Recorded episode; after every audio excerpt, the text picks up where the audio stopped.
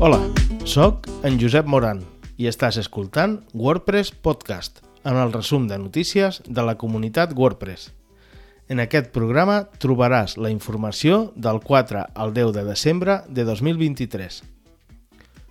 Comencem amb WordPress 6.4.2, una actualització de seguretat i manteniment de WordPress que principalment corregeix una possible vulnerabilitat i que afectaria principalment la suma d'extensions i WordPress multisite. Aquesta actualització només s'aplica a WordPress 6.4 i no a les versions anteriors.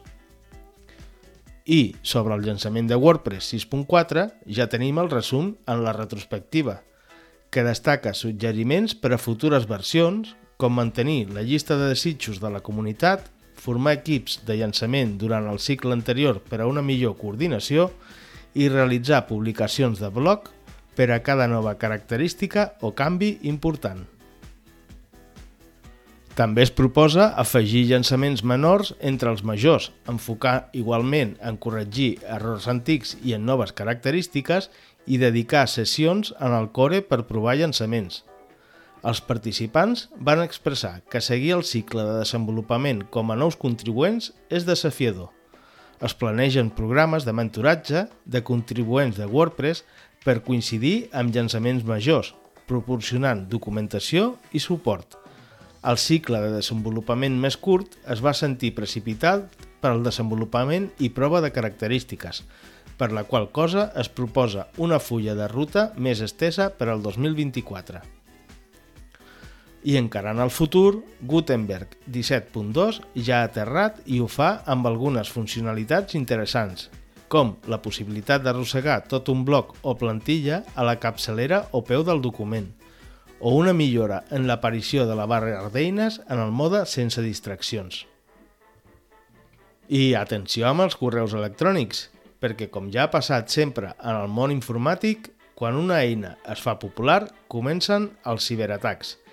I en aquest cas està passant amb uns correus electrònics que suposadament arriben de l'equip de seguretat de WordPress.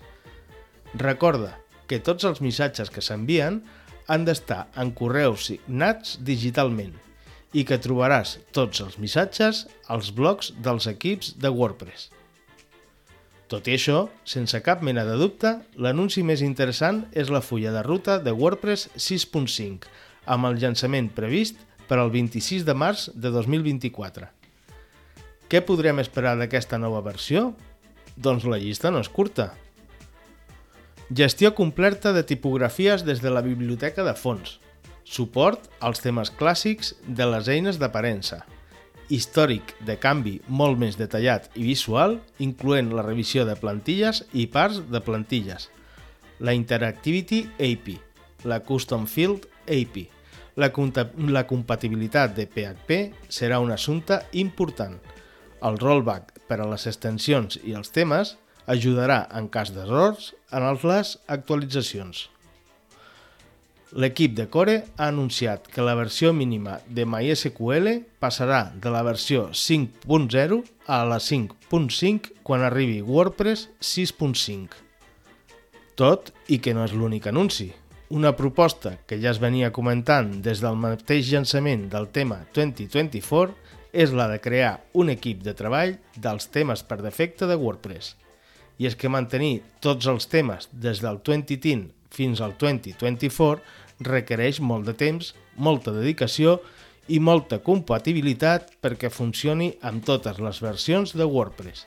I és que hi ha més de 400 tickets relacionats amb els temes amb petites o grans millores que no es poden dur a terme per la dedicació a avançar en el propi desenvolupament de WordPress. Al blog de desenvolupadors s'ha publicat un tutorial en el qual s'explica com crear un tema de blogs des de zero, tal com es feia amb underscores amb els temes clàssics. I és que l'extensió Create Block Theme parteix de la mateixa base, a més que es va actualitzant amb freqüència per incloure les noves funcionalitats de WordPress i Gutenberg.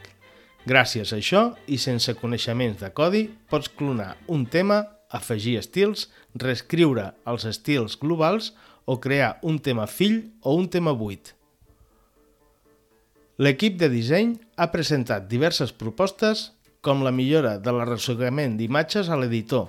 Això ja era possible, però ara permet que es mogui a una part concreta d'un bloc, podent afegir imatges dins de la capçalera a mode d'icona, per exemple. Un altre dels canvis està en els Lightbox, que podrien permetre peu de foto, la millora dels icones socials, la simplificació del menú de navegació i la ruta de navegació o establir una única mida de botons a la barra d'eines, un canvi que ja s'estava treballant en el llistat de dades, per exemple, el llistat d'entrades, pàgines o mitjans que es treballa en mode graella i no llista, fent focus en l'element visual destacat. L'equip de Meta ha anunciat la possibilitat d'activar la previsualització d'extensions des del panell avançat i l'ús del fitxer Bluesprint JSON. L'equip de formació ha anunciat l'inici de l'ús de YouTube com a proveïdor de vídeos i no el del WordPress TV tot i que els vídeos estaran en ambdues plataformes. Això farà que els vídeos s'incrustin directament des de YouTube, el que permetrà una millor accessibilitat al vídeo, subtítols automàtics, millors dades d'anàlisi i possiblement una major visibilitat dels cursos de formació. Sembla que, finalment, Press llançarà la seva versió 12 el dia 11 de desembre, una setmana després del previst. Per acabar amb alguns detalls relacionats amb la compatibilitat amb 2024 i amb un error detectat amb el sistema d'activitat. I ja està oberta la crida a ponents de la WordCamp Europe 2024, amb xerrades llargues de 45 minuts, xerrades flash de 10 minuts o tallers d'una hora, i sobre pràcticament qualsevol tema. Qualsevol persona pot aplicar i té temps fins a final de 2023, perquè el 31 de desembre s'acaba el termini. I, per acabar, aquest podcast es distribueix amb llicència EUPL. Tens tots els enllaços per ampliar la informació a wordpresspodcast.cat o seguir el contingut també en espanyol, anglès i francès. Una abraçada i fins al proper programa.